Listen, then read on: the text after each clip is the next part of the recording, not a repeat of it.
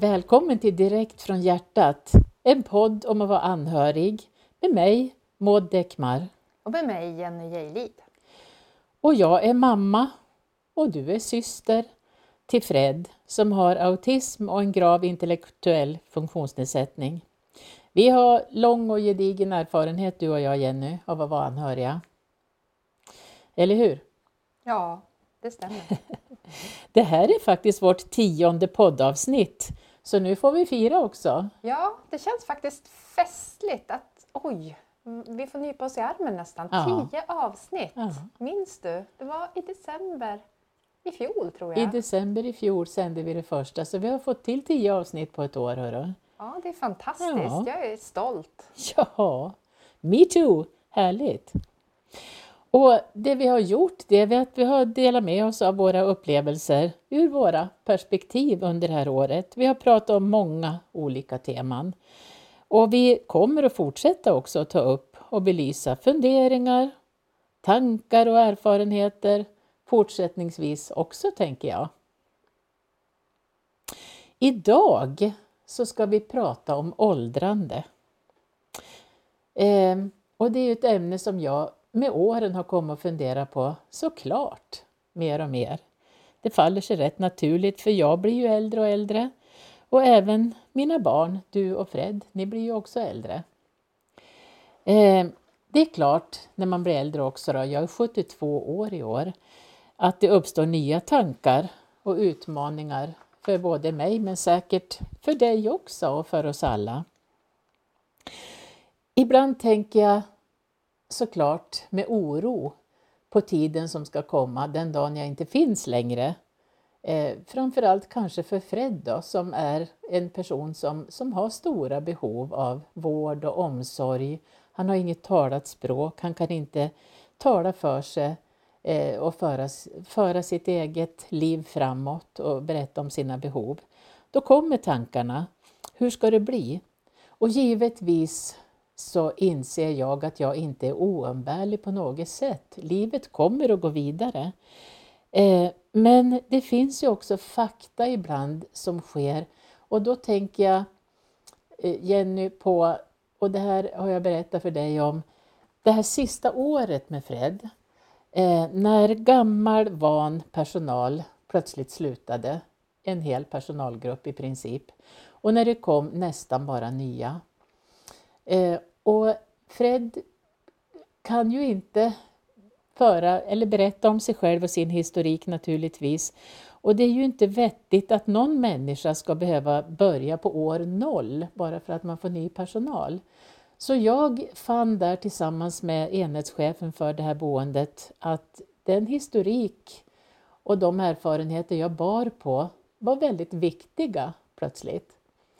Eh, och det här fick mig att tänka ännu mer naturligtvis på hur ska Fred få behålla sitt liv och sin historia den dag som jag, vi, inte finns mer. Sådana tankar har ju kommit naturligtvis och, och med rätta kan jag tänka också, inte bara känslomässiga skäl utan faktiskt så, så har jag sett hur det kan, hur det kan bli. Och eh, ja, vad säger du Jenny? Hur har du funderat? Nej, men jag, jag kan ju bara hålla med och jag har ju också eh, upplevt det här året, senaste året som du beskriver, väldigt turbulent i Freds liv, i ditt liv, för det har ställt stora krav på dig också. Och bara indirekt givetvis i mitt liv, för jag har ju stått mest på sidan och tittat på. Men det är klart att jag påverkas ju även av det, att se min bror må väldigt dåligt och Mm. se mina föräldrar må väldigt dåligt. Mm. Så jag påverkas ju enormt mycket. Och det här har ju också väckt tankar hos mig. Tänk om det hade varit så här och du och pappa inte fanns. Eh, hur stort hade han, då hade ju ansvaret liksom legat på mig. För då hade ju jag, känner jag, varit den enda som hade Freds historik Mm. bakåt. Så det väcker ju också väldigt många tankar hos mig. Mm. Att nu har ju du trots allt burit det stora lasset. Måste jag säga. Men om inte du hade funnits till exempel, Mm. vad hade krävts av mig? Mm. Ehm, Känner du de kraven eller, eller ansvarstagandet tungt på något sätt? När du tänker så? Ja, men det gör jag. Det, det, jag inser ju att det finns alltid ett val. Jag kan ju självklart välja att strunta i allt. Det förstår ju jag. Det är ju ingen som sitter där och säger att jag ska finnas där för Fred. Nej. Det inser ju jag är mitt val. Mm. Eh, Fred har personal runt sig så alla hans basala behov är omhändertagna givetvis. Mm. Eh, god manskap, man kan ju ordna en annan god man. Men det är väl just när sådana här saker händer. Vill jag då liksom lämna Fred i det här Mm. väldigt historielösa? Det skulle inte kännas bra kan jag Nej. säga. Eh, jag har inget svar idag. Jag känner ju att jag kommer alltid att vilja finnas till för Fred på något sätt. Men självklart när sådana här stora, ganska svåra saker drar igång Mm. så påverkar det mig väldigt mycket och jag funderar väldigt mycket kring mitt ansvar. Ja, om inte mina föräldrar skulle finnas. Ja. Ja, det här är ju svåra frågor alltså och ja, men det är klart att, att eh, jag inser ju idag liksom att jag är inte behövd på det sätt jag har varit. Och det är ju som det ska vara. Jag menar idag är ju du en fullt kapabel människa att leva ditt liv och sköta din familj och dina barn. Utan det jag behövs för är väl kanske då det känslomässiga som vi har i alla familjer egentligen. Vi vill finnas till för varandra på det sättet. Men just när det gäller Fred som har då de här väldigt stora behoven och inte kan tala för sig själv, då, då blir det ju tydligare med de här sakerna att, att, ja, men att oron kommer helt enkelt. Ja, men jag håller helt med. Det, Mm. Mm. det, det är det som jag också känner att där vill jag att Fred ska ha stöttning. För det Mm. gör väldigt stor skillnad när han får hjälp med sin bakgrund, sin historia. Att det finns någon där som säger att Fred tycker om när det doftar nybakt hemma eller Fred blir trygg om ni gör så här och så Ja. här. Precis. Och slutar exempelvis då en hel personalgrupp, ja men vem ska föra den tysta kunskapen vidare? mm. Det är ju vi som har varit med hela, hela, hela Ja, vägen på något Så är sätt. det. Så är det och det är den dystra sanningen. Och då är det att fundera på hur ska man kunna då befästa den kunskapen på något sätt så att han får den med sig resten av livet. Mm. Jag tänker, jag fick ju också en, en insikt som jag inte riktigt har tänkt så mycket på tidigare. Det här hände ju för ungefär någon månad sedan så var ju jag iväg på en utbildningsdag i, i och med att jag jobbar eh, med frågor, LSS-frågor. Eh, och då var det en dag som jag var på som handlade just om eh, åldrande eh, och personer då med funktionsnedsättning, deras åldrande. Och då fick jag lära mig något helt nytt. Jag har ju alltid tänkt att Fred och jag är ju liksom nästan lika gamla. Det skiljer två år mellan oss. Så jag har ju alltid tänkt att vi kommer ju att följas åt hela livet. Ja. Med stor sannolikhet. Någon av oss dör lite tidigare än den andra men det kommer att vara ganska lika. Eh, Då fick jag se att eh, har man då väldigt grava funktionsnedsättningar som i Freds fall, Mm. väldigt grav utvecklingsstörning och allt det för med sig, då börjar det här riktigt ordentliga åldrandet redan vid 37 års ålder. Det har jag aldrig vetat om. Alltså jag, jag har aldrig någonsin heller det. Jag har, jag har läst att det startar tidigare än, än vårt åldrande så att säga. Men att det, skillnaden skulle vara så stor, det har jag aldrig läst. Nej. Nej, men jag blev lite sådär, ja, jag, jag, jag blev paff helt enkelt. Och jag räknar ju ganska snabbt ut att Fred närmar sig 50. Så, så utifrån det då är ju han en ganska åldrad man idag. Inte, inte som en 47-48-åring utan antagligen betydligt äldre i, i mycket. Jag tänker också när du säger det här att de senaste åren så har det ju skett förändringar. Ehm, och inte minst till exempel för bara några få år sedan nu så började Fred och ville inte gå ut och vistas utomhus. Eh, och vi har ju funderat och analyserat många sådana här saker som har förändrats för honom. som han har liksom visat att det här vill jag vara med om, det här vill jag inte vara med om. Jag har aldrig tänkt att det skulle kunna ha med åldrande att göra, men varför inte? Nej, men jag, jag håller verkligen med dig och kvinnan som var och föreläste hon var fantastiskt bra. Eh, och hon sa precis det här som du säger nu. Hon hade varit och, jag tror det var handlett en personalgrupp med en, mm. en person som jag kan tänka mig liknar Fred ganska mycket och som var i 50-årsåldern och som hade börjat visa ganska stor trötthet på sin dagliga verksamhet. Och då hade personalen tyckt att det var så märkligt. Eh, och de hade pratat om det här och så hade någon, någon i personalen sagt att ja men jag är ju 50 år jag också, det, det är väl bara att gå på jobbet. Ja, och hade hon sagt med, med sin kunskap då, men om du lägger på 20 år mm. som den här personen kanske har, så bara för att vi kan säga att han heter Johan den här personen, eh, som hade DV. Bara för att Johan är jämngammal i, i kronologiska år med dig så är han antagligen runt 70 mm. och då kanske man inte orkar med DV fem dagar i veckan. Nej, då är de flesta av oss pensionärer. Ja, så Johan kanske skulle behöva jobba två dagar i veckan ett mm. par timmar och få vila väldigt mycket mer. Mm. Så att, ja, för mig var det verkligen en ögonöppnare. Jag har inte förstått det här tidigare? Nej, inte jag heller, inte vidden av det och att, att man kan hitta förklaringar i det. För det analyseras ju väldigt mycket när man sitter i personalgrupper till exempel. Eh, och, och, det är väl bra att man analyserar men det här är ju faktiskt en viktig aspekt. Ja, och sen var hon väldigt sådär hon sa något väldigt fint den här kvinnan också för att, att hon menar på att det här är också den första generationen ja. nästan som blir äldre. Absolut. Så att där måste vi också vara snälla med oss själva och, vet, att, och förstå att, att, att det här är nytt för oss också ja. som anhöriga, ja. som personal. Det är inte så lätt att veta. För, för bara någon generation sen så var det på ett mm. annat sätt och det var institutioner och, och man dog ofta i förtid ja. av olika anledningar. Så det, det här är nytt. Eh, men intressant och viktigt att tänka på. Mm som i Freds fall, han mm. är inte kanske 47-48 utan kanske börjar han närma sig 70 mentalt och är mycket tröttare. Ja. Eh, och jag har ju också tänkt eh, när jag fick det här, liksom, såg det så här tydligt så fick ju jag en tanke till. Tänk om Fred skulle dö först av oss alla i familjen. Det har aldrig föresvävat mig den tanken tidigare. Nej, visst, ja.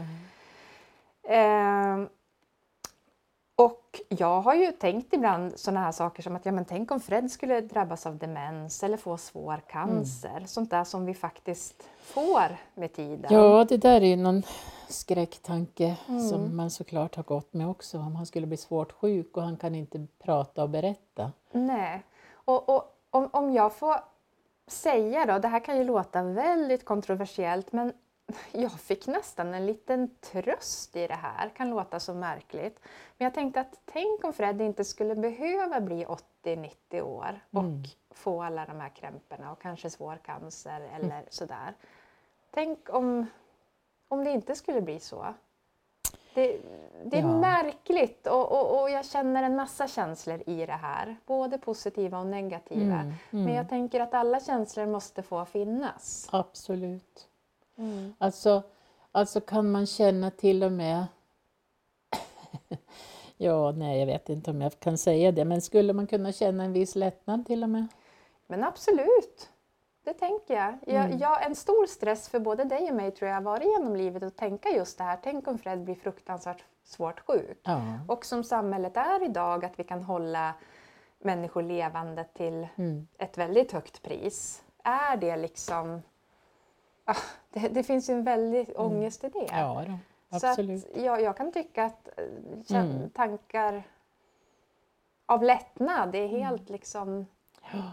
Legitima ja, i det här fallet. Och det, det, jag menar, det paras ju samtidigt med både sorg och oro och alla andra känslor också. Och jag menar, det går ju inte att säga egentligen vad känner jag mest eller vad, hur skulle jag vilja att det skulle bli eller någonting utan vi bara resonerar ju egentligen om vad vi tänker och känner. Ja men så är det och vi vet ingenting om nej, framtiden. Nej. Men att det finns olika scenarion och jag tror det är viktigt att prata om dem. Ja. Jag funderar på det här du nämnde. Eh, känner du att du kan göra något för att förbereda dig eller förbereda Fred inför att du du kanske faktiskt inte finns där? Alltså jag har ju funderat mycket på det det här sista året, nu när, när det här blev som det blev. Att, att eh, jag, verkligen såg att Fred förlorade sin historia och sin, eh, sitt innehåll i vardagen och, och, och så. Och hur han reagerade med väldigt stark ångest och stora svårigheter igen. Eh, så det är klart att jag har tänkt mycket på det här och försökt ta reda på och, och fundera vad kan jag göra för att han ska få behålla eh, så att någon förstår vem han har varit, vad han har varit med om, eh, hur han också har blivit den han har blivit naturligtvis.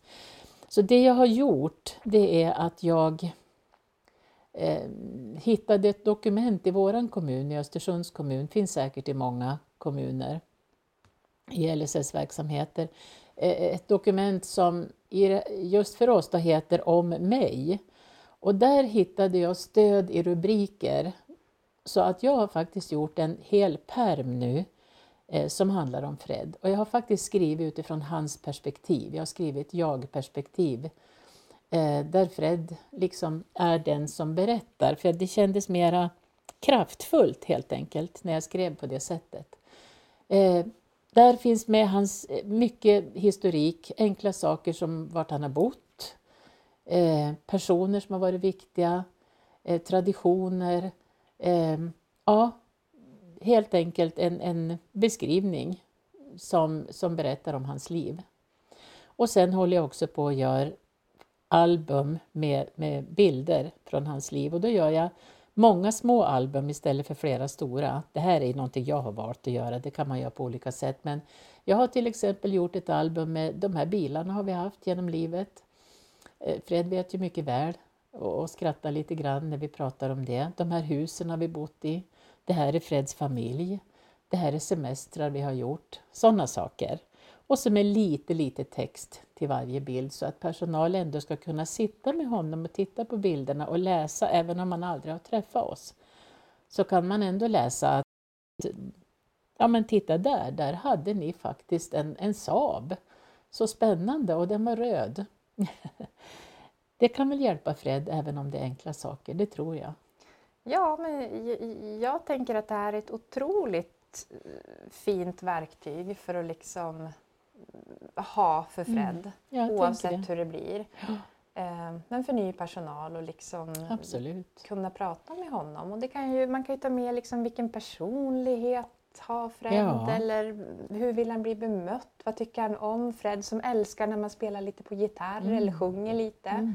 Han tycker det är jättekul. Ja, men det kan ju hjälpa någon personal. Mm. Okej, okay, jag kan sjunga en liten trudelutt. Det mm. tycker Fred om. Ja. Eller det här eh, han mm. älskar när man bakar lite grann, kanske mm. någon favoriträtt. Det är ja. ganska enkelt, det är inte så komplicerat. Det är ganska enkelt och även, jag har också skrivit om det här med min personlighet då till exempel.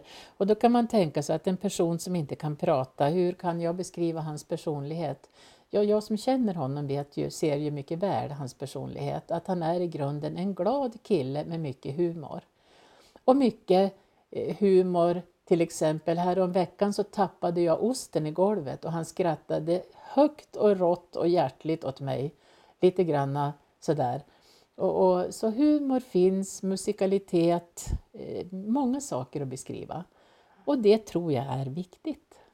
Ja, men jag håller med och, och jag tänker också en sån här sak som att Fred är ju en fena på att duka av. Han vill ja. ju gärna att allt ska vara klart snabbt. Och det är också så fantastiskt att jag kanske säger det här till honom att kan du ta mina bestick här Fred? Och då tar ju han dem. Mm. Eller även kan du hämta en sked Fred? Och då mm. gör han det. Ja. Och det kan ju vara så att en ny personal tänker att nej men Fred kan ju ingenting. Ja. Och så i all välmening så är han liksom inte med i de här situationerna mm. och dukar på och dukar mm. av när han kan vara så delaktig och han förstår? Kan, han kan vara väldigt delaktig om man vet vad han kan och inte kan. Eh, jag kan ju ge Fred en lapp eftersom han inte kan tala så kan jag skriva ner en fråga eh, som, och så säger jag så här, kan du gå och ge din syster den här lappen och så står det kom och fika, fikat är klart. Då gör han det. Men det är ju precis som du säger att vet man inte att han förstår och att han kan då kan man hamna väldigt snett, vilket hände under det här året tyvärr. Mm. Mm. Jag tänker att vi får börja runda av. Ja. Det tionde avsnittet.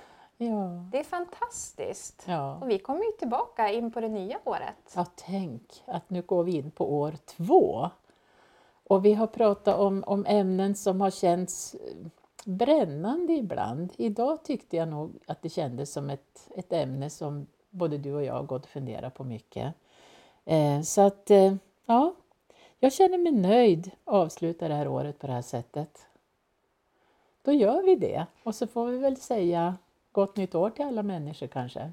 Ja, men gott nytt år och vi hörs och syns igen in på det nya året. Det gör vi.